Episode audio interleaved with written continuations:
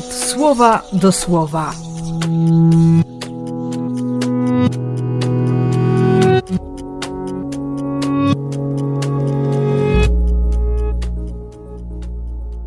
Ósmy sierpnia, wtorek.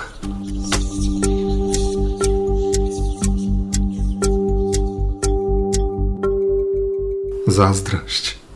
Starsze rodzeństwo. Jak z przypowieści Jezusa z 15 rozdziału Łukasza. Przecież my wiemy, dobrze wiemy, jaki on jest.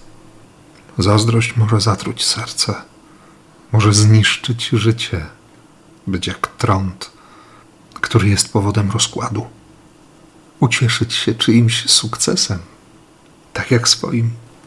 Od razu przychodzą mi na myśl słowa Jana Chrzciciela, który mówi o tym, że że przyjaciel oblubieńca ma szczerą radość, bo to jest miłość, która nie zazdrości, bo miłość nie zazdrości.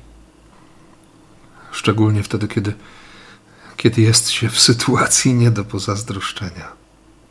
Jezus odesłał uczniów na drugą stronę, bo, bo chciał pewnie wreszcie, chociaż przez chwilę, wylać swoje serce, swoją duszę przed Ojcem w samotności, ale i tak nie stracił ich z oczu. I kiedy zobaczył, że sobie nie radzą, po prostu do nich przybiegł. Chciał ich uratować, bo taki jest Bóg. Jego nie wystraszy żadna nasza burza i on nie będzie bezradny i bezsilny wobec nawet największego, przerastającego nas zła. On chwyci za rękę on zmiażdży. On będzie chodził po, po głowach demonów. Co więcej, zaprosi nas do tego samego. Nie ma dla niego rzeczy niemożliwych. On jest życiem. Wystarczy go dotknąć. Wystarczy być blisko. Więc tej bliskości Ci życzę i błogosławię w imię Ojca i Syna i Ducha Świętego. Amen.